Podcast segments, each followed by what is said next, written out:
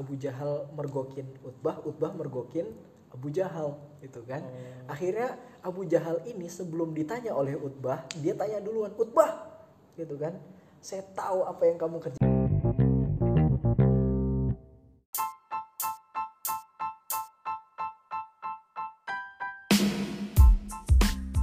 Yo, Bismillahirrahmanirrahim. Assalamualaikum warahmatullahi wabarakatuh. Waalaikumsalam warahmatullahi wabarakatuh. Apa kabar teman-teman? Alhamdulillah sehat. Sehat ya, sehat. Eh, langsung aja kaden ini kita. Oke, Buka dulu. eh, langsung aja ya. Hari ini di part 1 ya. Ini konten pertama sih sebenarnya untuk ngebahas eh, sisi keislaman lah. Kalau kemarin kan kita kontennya mukaddimah ya. Nah, Kayaknya ini part 2. Part Oh, 1 iya, part tuh. dua ya, boleh, boleh, boleh, part dua ya. Part 2. Oke, part 2 lah. Dan ini kontennya udah mulai serius nih, bukan mukaddimah lagi ya. Alhamdulillah, insyaallah kita bareng Kak Haris Dindana. Gimana kabar Kak? Baik, alhamdulillah sehat. Alhamdulillah. Ini kalau eh, saya ingat waktu waktu masih maba dulu ya, kalau misalkan eh, gimana kabarnya? Alhamdulillah. Itu kayak template dari sekolah kayaknya. udah udah kayak apa namanya? Udah kayak baku banget. Wajib Dan itu kayak nggak bisa diganti ya. it- it- udah udah kayak Mendarah daging gitu. iya dan keti- ketika mendengar apa kabar itu langsung otomatis ngejawabnya itu. Langsung Dulu- dulu otomatis ya? Iya. Ot- Otomatis mulutnya ngomongnya gitu. Tapi sekarang itu jadi jawaban general. Hampir semua orang kalau menyatukan jawaban ketika ditanya apa kabar hari ini ya sepakat dengan jawaban itu gitu. tanpa tanpa dikomandoi Iya. biasanya. Tanpa ada debat harus milih-milih lagi. Iya. Eh, Oke, alhamdulillah eh, hari ini kita bakal ngobrolin tentang akhlak Rasulullah. Kak. Jadi kadar-kadar kami itu kan dicetak untuk menjadi pemimpin ya kayak. Betul. Kayak visinya lah ya kan ya. Kita me- apa mencetak eh, pemimpin di mana pun kita berada. Eh, yang di misalkan kalau misalkan misalkan yang masih di kampus nih jadi eh, presiden BEM jadi ketua hima jadi ketua apa pun Ketua cutting. ya ke- cutting misalkan atau misalkan udah pasca kampus misalkan kita jadi apa pun lah pemimpin ini kan memberikan influence pengaruh Nah, eh, sebagai seorang muslim tentunya kita menjadikan Rasulullah sebagai contoh kita dalam memberikan influence tadi bahkan eh, dalam bukunya Michael Hart Oh iya. the the hundred yang judulnya the hundred itu menjadikan Rasulullah sebagai orang nomor satu Paling berpengaruh ya. yang paling berpengaruh kan ya Sepanjang masa. sepanjang masa itu bukunya itu tahun 78 terus sempat diperbarui 92 ada beberapa revisi dan tetap menjadikan uh, Nomor Nabi satu. Muhammad yang nomor satu. Ini kan menarik nih. Berarti ada karakter sifat yang menjadi apa namanya? Interest. interest. Atau ketertarikan orang lain. tertarikan sehingga eh, apa namanya beliau menjadi orang yang mempengaruhi banyak. Bahkan sekarang di dunia orang Islam yang paling banyak kan jumlahnya ya gimana nih Kak Haris? Akhlak-akhlak seperti apa sih yang kemudian eh, Rasulullah tunjukkan yang sehingga bisa menginfluence orang-orang lain? Eh apa namanya kalau dalam konteks eh, kepemimpinan ya kalau ini kan ekonomi semua ya. Dulu Iya, pernah Pan ini kan pernah jadi pemateri apa sih yang di SMK Farmasi itu?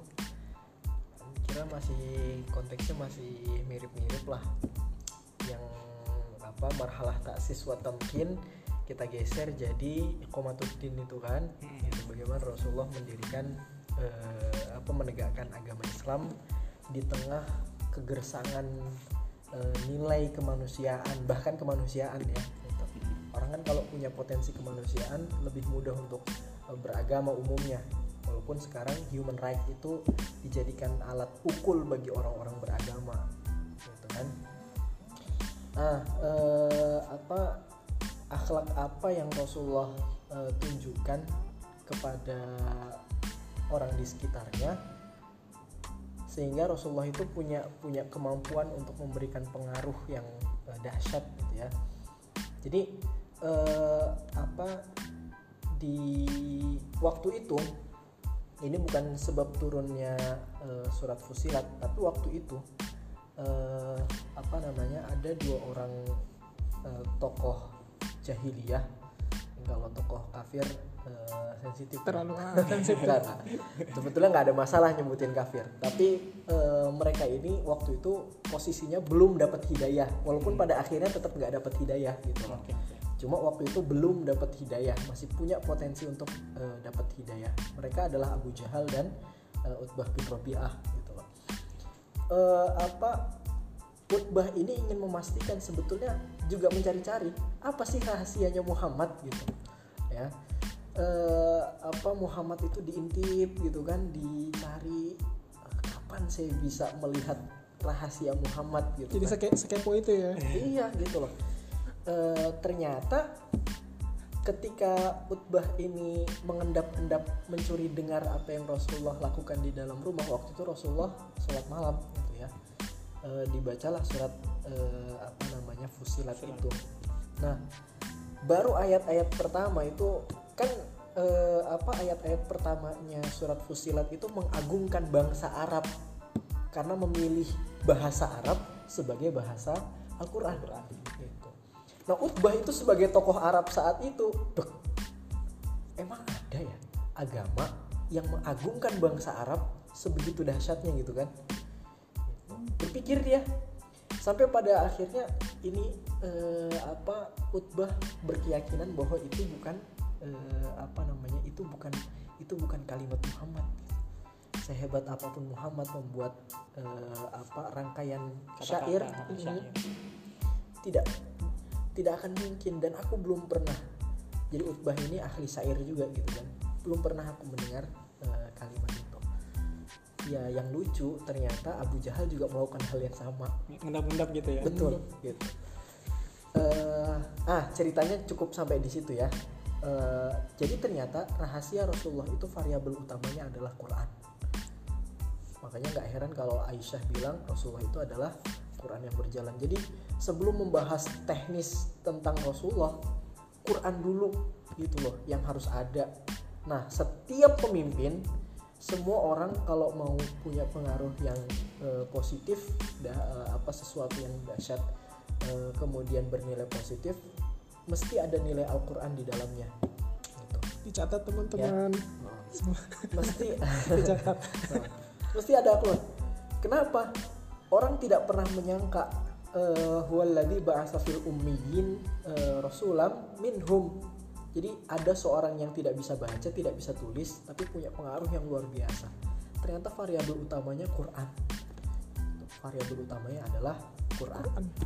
walaupun nanti eh, apa di buku eh, sirah Nabawiyah salah satu buku sirah Nabawiyah ya Rasulullah memang sejak eh, apa sejak belum lahir Allah sudah menempa kedua orang tuanya. Allah sudah menempa Rasulullah kecil gitu kan? Tapi terlepas dari itu ketika Rasulullah eh, apa dewasa variabel utama yang mempengaruhi bagaimana Rasulullah bisa punya eh, apa ya istilahnya itu eh, aura-aura positif sebagai seorang pemimpin ya Al-Quran.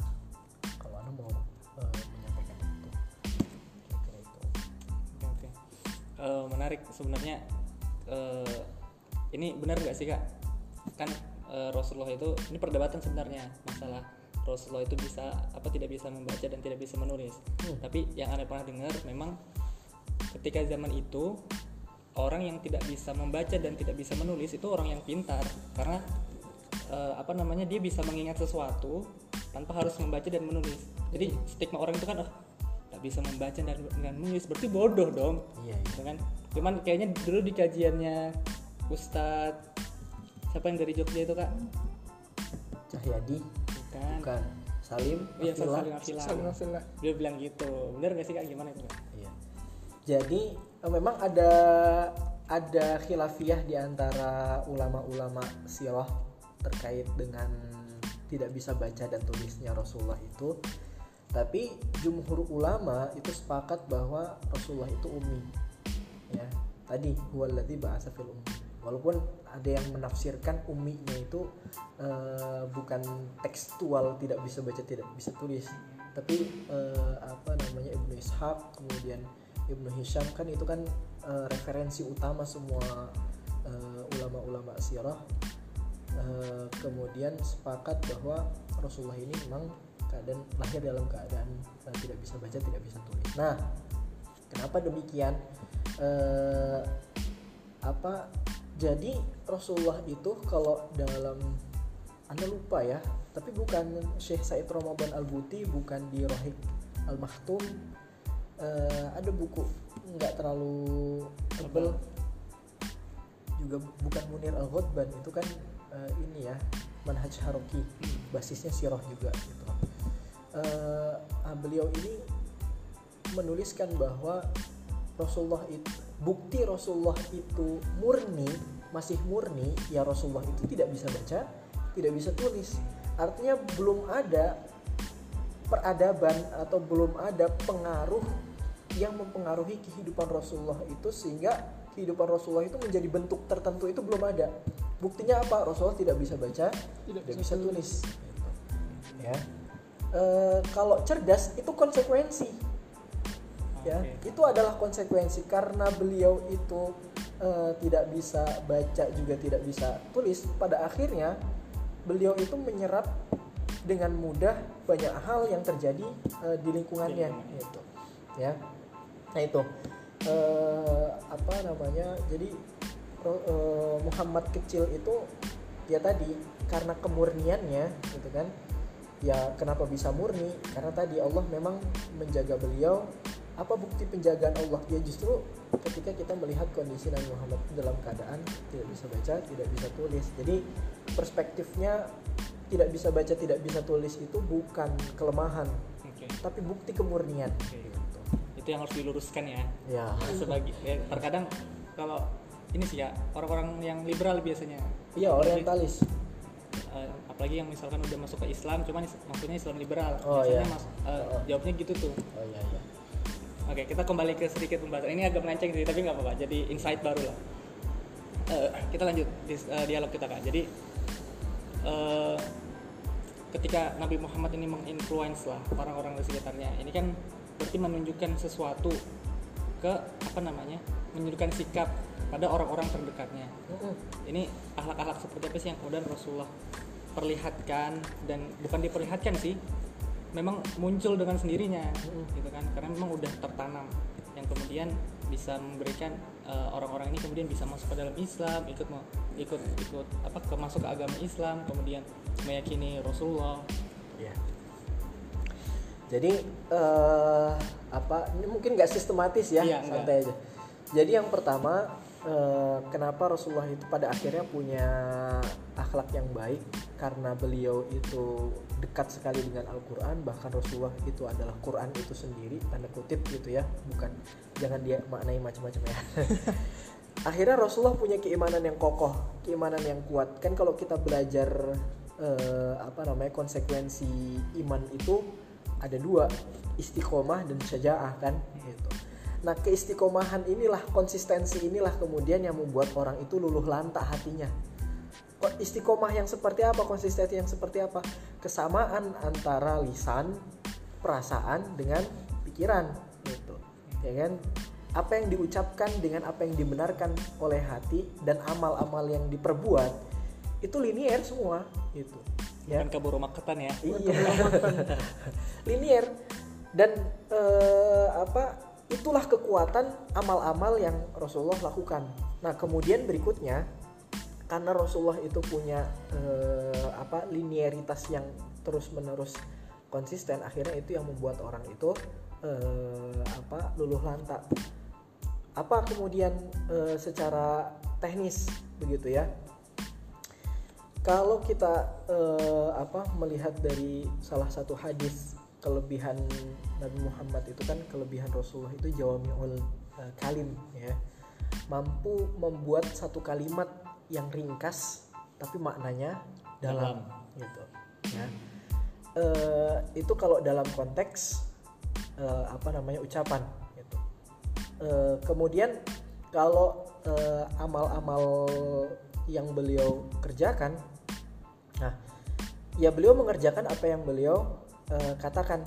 Ya ini ini kalau di rumah misalnya ya di rumah Rasulullah memerintahkan eh, kepada para sahabat untuk memuliakan. Kan dulu dulu itu eh, kampanyenya Rasulullah ke orang-orang Arab yang datang untuk berhaji ke Mekah itu kan ada egalisasi di dalam Islam. Kesetaraan. Bahkan perempuan itu akan diangkat derajatnya. Gitu. Bahkan seorang majikan eh, tidak boleh memperbudak budaknya. Harus dengan cara-cara yang eh, baik walaupun tetap ada perbudakan kan? Eh, Islam meniadakan perbudakan. Islam menghendaki eh, kesetaraan egalisasi egaliter gitu ya. Berdiri sama tinggi duduk sama rendah gitu kan? Nah itu. Eh, dan Rasulullah melakukan itu ya. Rasulullah eh, meminta Abu Bakar untuk membebaskan Bilal bin Rabah gitu kan. Eh, kemudian menghidupi Amr bin Yasir gitu. Eh, Rasulullah juga meminta misalnya kepada eh, Hamzah bin Abdul Muthalib untuk menjadi eh, apa ya penjaga pelindung gitu. Ya. Itu eh, apa namanya yang Rasulullah eh, lakukan. Misalnya Rasulullah juga me- apa memerintahkan kepada para sahabat untuk me- apa memuliakan para wanita. Rasulullah juga melakukan hal yang sama. Rasulullah eh, apa ya macam-macam lah ya. Rasulullah memperlakukan eh, orang lain. Rasulullah mem- me- memperlakukan musuh-musuhnya gitu kan.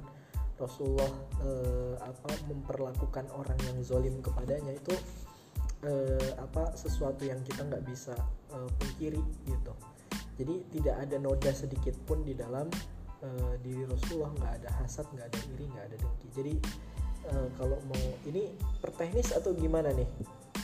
Kan tadi gambarannya Rasulullah kepada istrinya Rasulullah kepada teman-temannya Rasulullah kepada musuh-musuhnya Rasulullah kepada eh, apa orang yang lebih tua Rasulullah kepada orang yang lebih muda gitu boleh boleh perteknis tadi kan udah tadi kan udah udah bagaimana Rasulullah kepada perempuan dan istri-istrinya kan tadi udah Mm, kemudian tadi kepada teman-temannya ya Nah, ini boleh nih kita perteknis aja nggak apa sih Ya.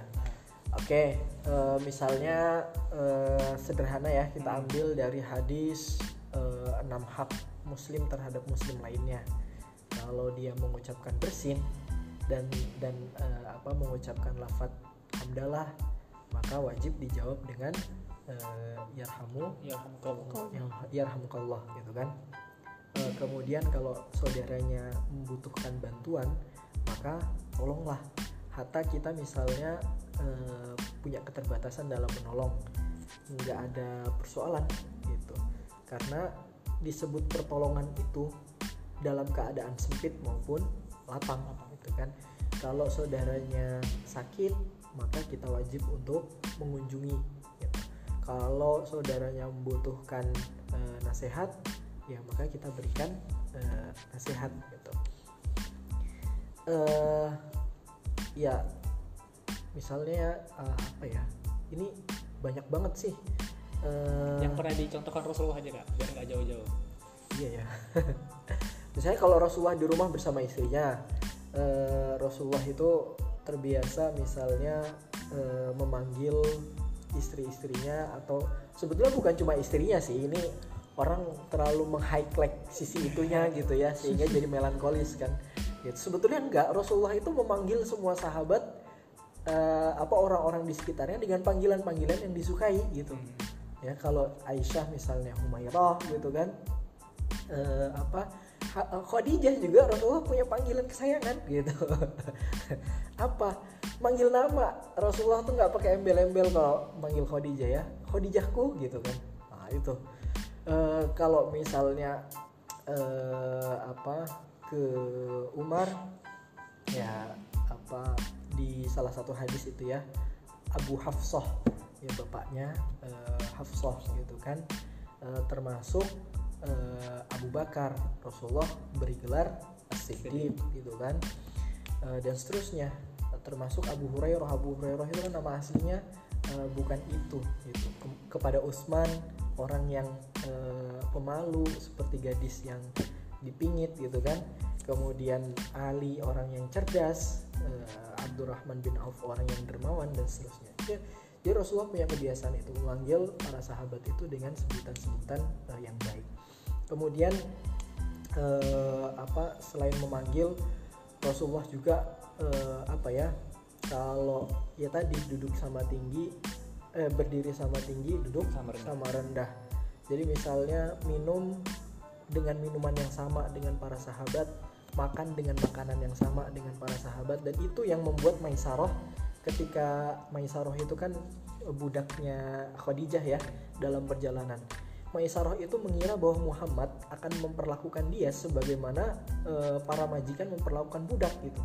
Ternyata enggak dan itu yang membuat Maisaroh yakin Eh, dan dan Maisaroh bisa menjawab kenapa Khadijah memerintahkan dia untuk memperhatikan Rasulullah gitu ya. Duduk di padang pasir gitu kan makan dengan makanan yang sama gitu. Tidak heran kalau Maisaroh naik di atas unta Rasulullah yang menuntun atau sebaliknya itu Rasulullah beristirahat Maisaroh yang menuntun dan seterusnya. Begitu. Eh, apa dan dan itu penting ya penting karena terutama aktivis dakwah itu kalau sudah ya istilahnya itu sindrom tinggal iya sindrom kekuasaan gitu ya. Akhirnya tidak mau melakukan sesuatu yang sama dengan orang yang ada di level uh, Bawahnya. lebih lebih rendah dari dia gitu kan. Gitu Eh, Ini catatan penting nih untuk para para ketua ketua presiden presiden bem ini. Nanti jadi presiden bem nggak mau ngangkat galon lagi. iya gitu. Nggak usah malu. Ya. Eh, kepada istrinya mungkin yang yang umum kalau dengan istri Rasulullah Rasulullah itu tidur di pahanya eh, Khadijah tidur di pahanya Aisyah pun sebaliknya gitu ya. Eh, apa bercengkrama dengan Aisyah eh, dengan dengan Khadijah gitu kan Eh, dengan para sahabat misalnya eh, apa ya kalau yang paling berkesan sih buat Ana itu ketika eh, Allah mengirimkan kalimat la tahzan innallaha ma'ana perjalanan bersama Abu Bakar itu itu cuplikan persahabatan paling epik menurut Ana di dunia dan di akhirat itu. Gitu ya bayangkan eh, apa Rasulullah eh, Abu Bakar itu apa eh, menahan sakitnya eh, sengatan. Ada yang bilang kalajengking ada yang bilang ular. Kalau di sirah itu diceritakan semuanya gitu kan. Kenapa? Karena ada lubang yang Abu Bakar lupa memeriksanya. Ditutuplah kakinya. Ternyata kakinya dari dalam itu disengat gitu kan. Ditahan itu sakitnya sampai eh, meneteslah air mata Abu Bakar. Jatuh di atas pipi Rasulullah baru Rasulullah bangun gitu kan. Kenapa Abu Bakar Eh, aku mengalami ini ini dan ini gitu kan. Ternyata eh, apa sahabat yang baik itu ya ada ketika suka maupun duka. Itu Abu Bakar udah ketakutan ketika orang-orang apa namanya kafir Quraisy itu itu kalau mendongak sedikit kan kalau di surah begitu itu wah ya Allah. Eh, kalian misalnya jadi buronan bukan buronan lembaga ya buronan negara gitu ya kemudian sudah tersudut di satu tempat gitu. Nah sudut itu eh, apa di tempat itu kalau orang membuka pintu yang nggak ada apa Nunduk- kuncinya nunduk gitu kan. Hmm. Eh, kalian berlindung di satu tempat yang di tempat itu pintunya itu nggak terkunci. Orang-orang yang mencari kalian tuh sudah mun- sudah ada di depan. depan pintu. depan gimana eh, perasaannya gitu ya. Nah, sahabat yang keren itu ya eh, apa stay cool kalau Three Idiots itu Alizwell itu ya. Oke oke oke. gitu. Ya, semua akan baik-baik saja gitu kan. Nah makanya kemudian kata Rasulullah la tahzan innallaha ma'ana. Itu eh, epic banget lah kalau buat eh, aneh gitu ya. Itu eh, ya keren keren. Kemudian misalnya kalau eh, apa Rasulullah itu ada juga yang keren itu misalnya Rasulullah sudah ditodong eh, pedang itu ya pedangnya sudah mau apa tinggal tinggal ditebas itu selesai kan gitu. ketika ditanya dalam kondisi seperti ini siapa yang melindungimu gitu. ya Rasulullah dengan Stay cool tadi. Setelah apa? menjawab Allah yang akan melindungi saya gitu loh sampai kemudian orang yang mendengar itu bergetar gitu loh ah, kalau kita kan ngomong itu misalnya Allah yang melindungi betulan ditebas gitu ya tapi enggak ini kekuatan Quran sih, kalau ada kata tuh. juga itu Kekuatan Quran yang di awal tadi ya. iya itu loh ini eh, apa namanya mentalitas jadi uh, pernah nggak kita itu ngerasain kalau kita deket sama orang tertentu gitu ya itu bawaannya tuh uh, Deg-degan. iya deg-degan gitu kan walaupun dia laki-laki gitu eh maksudnya sesama jenis Iya. gitu ya auranya tuh uh, positif gitu kan. Kita berusaha untuk uh, apa ya ya rasanya pengen gitu kan eh, apa deket sama beliau gitu. Nggak ke apa kalau anak menemukan orang-orang yang eh, seperti itu jadi luar biasa beliau. Eh, apa walaupun kadang ya ini juga sih eh, apa jadi obsesi gitu kan bisa nggak saya menjadi kayak dia. seperti beliau gitu kan?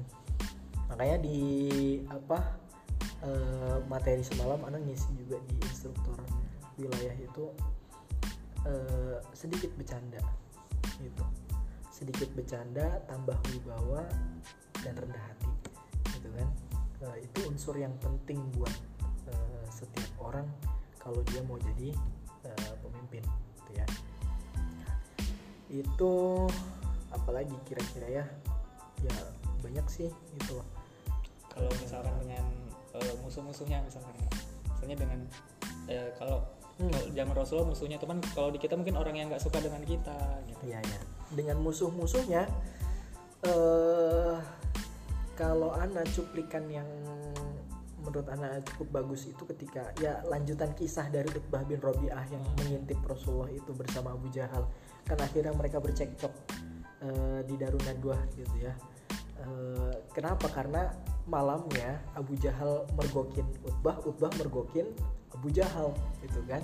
Akhirnya Abu Jahal ini sebelum ditanya oleh Utbah dia tanya duluan Utbah gitu kan. Saya tahu apa yang kamu kerjakan semalam kira-kira gitu ya dramanya gitu. Gitu. Kata Utbah yang sudah didesak oleh eh, apa Abu Abu Jahal. begitu eh, apa apakah kamu tidak pernah berpikir kata Utbah seandainya yang dikatakan oleh Muhammad adalah sebuah kebenaran? Oh gitu ya.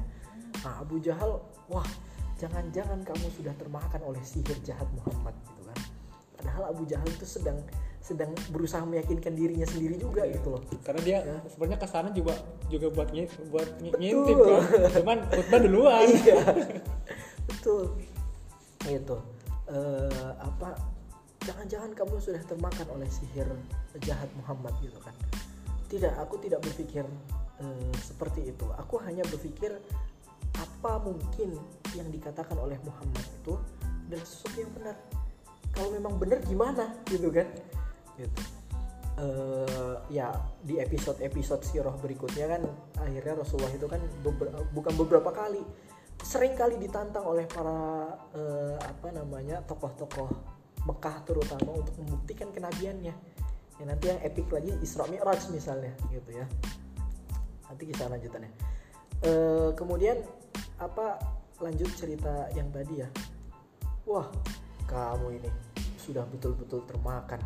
Baiklah setelah hari ini jangan pernah berdagang dengan saya lagi. Jadi mereka itu kan kongsi dagang gitu. Dan akan saya beritakan kepada seluruh eh, apa kolega-kolega bisnis kita bahwa kamu bukan lagi masuk kelompok kami gitu ya. Jadi diputus tuh eh, apa namanya eh, jaringan-jaringan bisnisnya gitu kan. Wah Utbah langsung wah jangan gitu dong gitu. Kan jangan gitu dong ini dimensinya udah beda kira-kira gitu ya kan. Akhirnya eh, apa kata Abu Jahal oke kalau kamu nggak mau saya putus gitu kan lakukan segala sesuatu yang membuat saya puas gitu lakukan hal yang paling hina kepada Muhammad yang saya bisa puas Nah, kalau kemudian kita pernah dengar sirah bahwa Rasulullah itu sedang bersujud di depan Ka'bah gitu ya, kemudian ditumpahin kotoran unta, isi perut unta. Ah, itulah sebabnya. Gitu. gitu. Maka berangkatlah mereka berdua gitu kan mengambil eh, wadah gitu.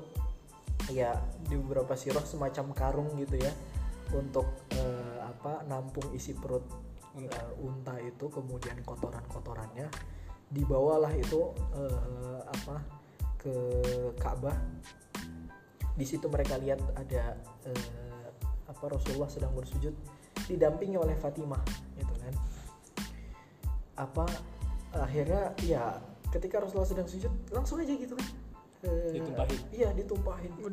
Itu di atas kepalanya Rasulullah.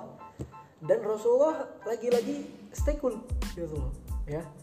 Eh, apa wa innaka ala khuluqin azim gitu kan surat al-qalam jadi dalam diri Rasulullah itu eh, akhlak yang azimah bukan lagi akhlakul karimah. Jadi kalau level iman itu ada akhlak sayyi'ah akhlak yang buruk di atasnya ada akhlakul karimah eh, akhlak yang baik di atasnya lagi akhlakul azimah akhlak yang agung gitu kan. Nah Rasulullah itu ada di level itu Gitu. bangun. Nah itu sebetulnya yang yang eh, apa mendoakan itu anda lupa ya di Rohik al Maktum itu apa Rasulullah atau Fatimah yang yang mendoakan gitu. Jadi ada yang mendoakan eh, apa mereka untuk diserang eh, apa namanya singa gitu ya dan itu betul kejadian gitu. Eh, apa namanya mereka dikejar-kejar. Ternyata di padang gurun juga ada singa ya. singa gitu. Nah itu. Ya Ah, kembali lagi ke situ itu kan Fatimah sampai nangis ya. Nah, ya udah kata kata Rasulullah bantu aku membersihkan. Udah itu aja. Gitu loh. kalian pernah nggak dalam kon- eh, dulu waktu SD gitu ya kita ngejek-ngejek orang itu eh, dengan sebutan bapaknya lah dengan cemoohan-cemoohan Iya, tertentu betul, betul. gitu ya. Ingat, ingat, ingat. tapi orangnya diem aja. Kita puas nggak? Malah kesel ya. Malah kesel kan? Nggak puas gitu kan? Kalau orangnya marah puas. Gitu betul betul betul. Nah itu. Eh, dan tapi sekarang nggak semua orang bisa seperti itu. Itu yang yang eh, apa hebatnya Rasulullah. Bahkan eh, apa Rasulullah itu kalau orang tua eh, Yahudi wanita tua Yahudi yang selalu mengotori jalan Rasulullah gitu kan eh, apa namanya meludahi Rasulullah ketika berjalan dari rumahnya menuju ke Ka'bah ya dibalasnya dengan apa? Dengan eh, apa? Menjadi orang pertama yang menjenguk wanita tua Yahudi tadi ketika sakit. Dia sakit Tuh. Eh, itu juga apa namanya akhlak yang eh, luar biasa gitu ya. Kalau dalam konteks eh, apa namanya ketatanegaraan ketika Rasulullah itu apa namanya di eh, Madinah sebetulnya Rasulullah eh, selain karena sudah mengkondisikan Madinah menjadi kota yang eh, apa negara yang eh, Islam gitu ya kota yang siap menerima Islam ya Rasulullah juga eh, apa namanya menata itu semua gitu loh. Tidak misalnya sewenang-wenang radikal gitu ya Eh, apa buktinya? Ketika misalnya eh, Abdurrahman bin Auf gitu kan menaklukkan pasar eh, Madinah gitu kan. Ketika eh, Rasulullah membangun eh, masjid mempersaudarakan. Jadi apa jadi ini ini ya eh, nostalgia. Ada salah seorang presiden BEM Unmul eh, kalau dia dengar ini ya mungkin eh, apa dia nggak tahu ya dia masih ingat atau enggak jadi waktu itu beliau nanya kak kira-kira kalau saya eh, apa betul-betul terpilih jadi presiden BEM apa yang harus pertama kali saya lakukan gitu. Yang paling penting buat anak waktu itu kan memang zaman zamannya konflik gitu ya. Rekonsiliasi itu pemimpin itu harus bisa menyatukan bukan memecah belah. Gitu. jadi politik pecah belah tuh nggak nggak ada dalam Islam itu. Gitu. Walaupun kita bisa memecah belah misalnya musuh kita pecah belah gitu ya. Selama konteksnya bukan peperangan maka tidak pernah dipakai oleh Rasulullah Rasulullah pernah memakai politik pecah belah hanya ketika peperangan. Misalnya ketika perang eh, Khandaq Rasulullah pecah belah eh, apa koalisi Ahzab itu ya kan? Tapi kalau dalam konteks ketatanegaraan Rasulullah sebaliknya itu membuat hukum-hukum yang mempersaudarakan. Eh, munculnya eh, apa namanya perjanjian Hudaybiyah misalnya piagam Madinah gitu kan? Eh, ini akhlak yang sangat-sangat eh, negarawan kalau buat anak. Jadi Rasulullah dalam konteks kenegaraan tidak pernah menggunakan politik eh, pecah belah gitu. Walaupun itu sangat bisa dan sangat mungkin gitu ya. Itu. Insya Allah oh am- ini masih lagi nih yang belum nih? Oh ya apa Eh, kira-kira? akhlak apa namanya? Mungkin terakhir nih. Eh, dengan yang lebih tua dan yang dengan yang Oh, lebih iya. muda. Oh, Oh, oh. gimana nih kak Jadi eh, Rasulullah itu dengan anak-anak muda senang, senang sekali. Apalagi melihat anak-anak muda yang potensial, gitu ya. Ketika Rasulullah melihat Ali eh, bin Abi Thalib, gitu kan. Rasulullah ini eh, dekat dengan Ali karena awalnya Ali ini memang dititipkan oleh Abu Thalib untuk diasuh oleh eh, bersama Muhammad. Tapi karena Ali ini terlalu baik, eh Ali ini terlalu Rasulullah ini bukan terlalu baik ya. Nanti kesannya membandingkan dengan Abu Thalib gitu kan enggak. Tapi Rasulullah ini eh, Ali mendapatkan suasana yang tidak pernah dia dapatkan eh, apa namanya dalam kehidupannya di usia 8 tahun itu ya. Kemudian Ali juga merasakan sesuatu yang luar biasa apa dalam- itu kak apa itu Iya, eh, kecerdasan Rasulullah, keteladanan eh, Rasulullah. Dan dulu Rasulullah itu eh, kebiasaan pemuda-pemuda Arab itu kan sama lah kira-kira kayak hari ini. Mungkin ini pengulangan aja dangdutan. Kalau dulu ya eh, bermusik gitu juga gitu loh. Apa menyewa bukan menyewa apa mengundang penari latar. Tahu ya kalau apa kita nonton cuplikannya di Arisalah itu kan ketika Wahsy dilatih oleh Hindun eh, menembakkan tombak itu kan itu kan sasarannya itu di atas perempuan yang eh, menari-nari gitu ya kan nah itu kebiasaan eh, orang-orang Arab itu eh, berfoya-foya berpesta seperti itu gitu dan ya kalau sekarang ada ya dulu juga pernah ada gitu ya Nah Rasulullah sama sekali tidak pernah melakukan itu. Rasulullah tidak pernah mengeluarkan kata-kata yang eh, kasar, marah sekalipun Rasulullah nggak pernah. Gitu.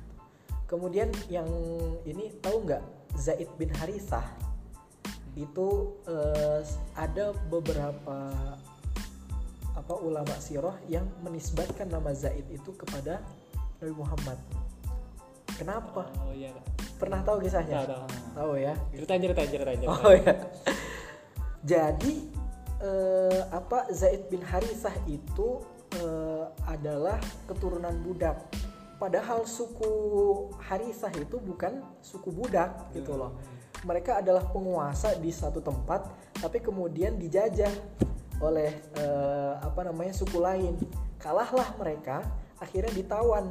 Kakeknya Zaid itu ditawan oleh eh, penjajah itu ya. Nah, untuk menyelamatkan warga-warganya yang masih bisa selamat, salah satunya Zaid. Akhirnya Zaid ini eh, apa namanya? ya dijual sebagai budak gitu. Ya.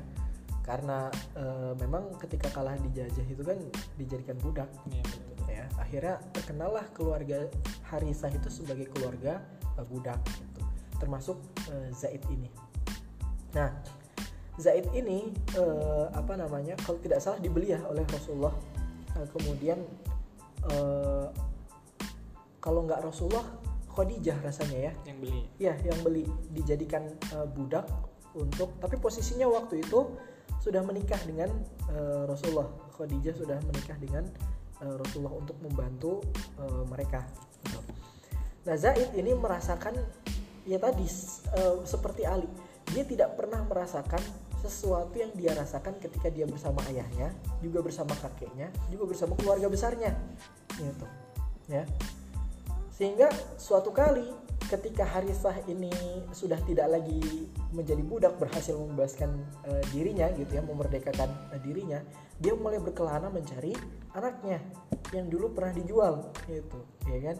Ketemulah bahwa anaknya ini dibeli oleh seorang eh, apa saudagar ya Khadijah itu Sa- eh, ketika itu eh, apa Harisah tadi langsung ke rumahnya Rasulullah gitu kan mempertanyakan apakah betul eh, anakku itu yang bernama ini berusia sekian gitu ya Eh, kamu beli waktu itu gitu kan. Oh iya betul. Itu setelah dicek tanda-tandanya oh iya betul gitu kan. Akhirnya eh, apa Harisah ini ngajak Zaid untuk pulang gitu kan tapi ternyata Zaid nggak mau. Padahal ayahnya sendiri loh. Gitu. Ya kan? Dan posisinya waktu masih jadi budak kali kak ya? Atau iya enggak? iya. Gitu. Masih jadi pembantunya Rasulullah. gitu kan. Eh, apa? Oke kata Nabi Muhammad kata Rasulullah belum jadi nabi ya waktu itu. Kata Rasulullah eh, apa? Aku persilahkan kepada Zaid untuk menentukan siapa eh dengan siapa ia ingin tinggal gitu ya kan ya Zaid milih dengan Rasulullah gitu loh. Ya. Padahal waktu itu belum jadi rasul ya. iya Jadi belum jadi Rasul. Gitu loh. Eh, kalian pernah nggak misalnya eh, apa punya orang tua kandung tapi kalian itu tinggal dengan orang lain? Eh, sampai pada titik tertentu memutuskan lebih nyaman dengan orang itu ketimbang orang tua kandung. Dan itu mungkin kisahnya 50 banding satu lah ya. Itu sangat-sangat sangat jarang kalau menurut eh, Anas secara pribadi. Dan pilihan Zaid ini bukan karena harta bukan karena eh, apa jaminan makan seumur hidup Iya. enggak gitu loh. Tapi beliau melihat eh, apa Rasulullah ini adalah sosok yang layak untuk menjadi ayahnya. Itu makanya Zaid nggak mau namanya sebetulnya nggak mau namanya dinisbatkan kepada ayahnya Khalifah. lagi gitu. Ya udah nama kamu aja gitu kan sampai akhirnya turunlah ayat dilarang seorang eh, nabi mengangkat budaknya sebagai anak-anak anak-anaknya Apalagi sampai dinisbatkan kan. Iya, dan itulah dalil yang melarang eh, adopsi itu. Karena kan secara eh, de jure kita dimungkinkan misalnya saya mengadopsi seorang anak, kemudian eh, untuk kepentingan pendidikan, kepentingan apa saya bikin nama dia dinisbatkan ke nama saya gitu. Secara hukum boleh gitu. Tapi Islam melarang itu ya. Kenapa? Eh, apa? Karena eh, hifdzun nasab itu penting di dalam Islam. Penjagaan nasab itu penting di dalam eh, Islam. Itu. Kemudian misalnya ketika dengan Zaid bin Sabit, ini duo Zaid ini ya. Eh, apa liyatafaqahu fid din. Jadi Zaid bin Sabit ini salah satu orang yang Rasulullah pilih untuk menjadi orang yang akan menjaga eh, eh ini Sudah nggak apa? iya Dikit lagi, kita dikit lagi. selesaikan ya Kita selesaikan. Eh, untuk menjaga agama ketika jadi kalau ini juga bagian dari strategi ya kalau Rasulullah menghimpun pasukan untuk perang Rasulullah selalu meningga- eh, meninggalkan beberapa orang untuk mempelajari Islam lebih dalam gitu ya Eh, ya tadi lihat fiddin untuk eh, mempelajari agama maka ketika orang-orang yang sudah pulang ini eh yang sudah selesai perang tadi pulang eh, rechargingnya itu kuat gitu loh ya. Dapat nilai baru inspirasi baru kekuatan baru dan seterusnya. Nah, salah satu orang yang Rasulullah pilih adalah Zaid. Nah ketika itu Zaid baru berusia 12 tahun ketika pertama kali mendaftar kepada Rasulullah menjadi pasukan jihadnya eh, Rasulullah bahkan eh, katanya pedangnya Zaid itu lebih eh, besar ketimbang eh, ukuran tubuhnya Zaid itu sendiri ya. Jadi digambarkan dalam sirah itu Zaid menenteng pedangnya itu sampai pedangnya itu eh, apa namanya meninggalkan bekas. Karena memang dia nggak bisa ngangkat lebih tinggi lagi gitu kan. Gitu. Meninggalkan bekas di jalannya kan gitu. Nah ketika sampai ke hadapan Rasulullah ya Rasulullah aku ingin mendaftar menjadi pasukanmu gitu kan. Berapa usiamu? Ya 12 atau 15 tahun waktu itu ya. Zaid ini kecil orangnya. Kayak kita lah ya. iya gitu. Kecil eh, apa ini nggak mau bilang kurus ya. Yang jelas secara postur dia eh, apa Lebih kecil dibanding iya lain. ha, gitu. Ya.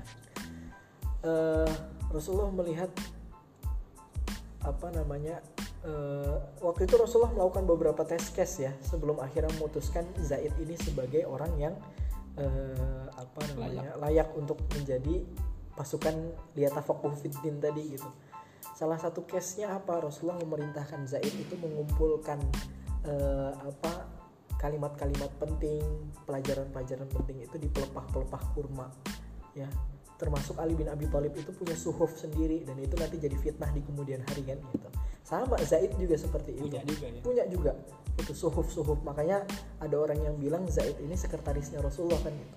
Itu eh, tes case Rasulullah sebelum Rasulullah memutuskan Zaid sebagai orang yang layak liyatafaqahu fiddin tadi. Case berikutnya apa? Rasulullah memerintahkan Zaid untuk mempelajari bahasa Yahudi gitu. Hanya dalam waktu dua minggu dia berhasil. Wah ini anak cerdas gitu kan kata Rasulullah ini anak cerdas. Maka potensinya di situ gitu. Ya kan menempatkan orang pada tempat yang tempat itu eh, anak-anak anak-anak muda. Kalau apa orang tua ya tadi perlakuan Rasulullah kepada eh, Hamzah bin Abdul Muthalib gitu ya. Jadi Rasulullah itu bisa melecut eh, semangat kemanusiaan dan keislamannya Hamzah gitu kan. Eh, ngelihat Rasulullah itu di apa dikurang ajarin sama eh, waktu itu kalau nggak salah sedang boykot eh, apa Bani Hashim ya. Nah Hamzah itu eh, apa baru pulang dari eh, berburu melihat peristiwa itu akhirnya dia tampar itu orang. Eh, lupa anda siapa. Abu Jahal yang pernah Hmm, kalau nggak iya itu ya itu itu. Dan sejak itu dia declare untuk menjadi eh, pelindung Rasulullah gitu ya. Seperti misalnya eh, Abu Ubaidillah bin Jarrah itu ketika perang Badar kan beliau salah satu yang eh, apa melakukan perang tanding gitu ya. Sebetulnya Rasulullah nggak tega karena dia harus melawan anaknya sendiri iya kan?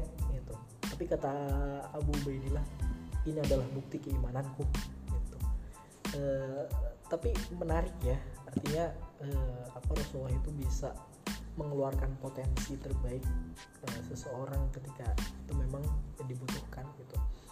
Itu ketika Rasulullah eh, kepada eh, orang tua gitu. Itu eh, apa beberapa cuplikan ini ya kisah Rasulullah eh, apa berkaitan dengan akhlak Rasulullah. Itu Insya Allah. Terbatas. Eh, poinnya adalah memang di awal yang terus yang perlu kita perbaiki adalah hubungan kita dengan Quran kayak Betul. ini yang menjadi pondasi untuk menela- meneladani akhlak-akhlak Rasulullah bahkan untuk mengeluarkan akhlak-akhlak baik di dalam diri kita juga eh, berawal dari Quran itu sendiri juga kayak oke insyaallah mungkin itu untuk sesi part 2 kita hari Iya. ini terima kasih Kak Haris Fadil yang udah bergabung langsung kita tutup aja dulu ya Ya langsung kita tutup Oke, aja. terima kasih teman-teman untuk Sudah mendengar. sudah mendengar kita ketemu di part berikutnya Ya. insyaallah Insya Allah dengan pemateri-pemateri yang bagus juga. oke pasti Insya Allah. Ya demikian kita tutup teman-teman. Assalamualaikum warahmatullahi wabarakatuh. Waalaikumsalam warahmatullahi wabarakatuh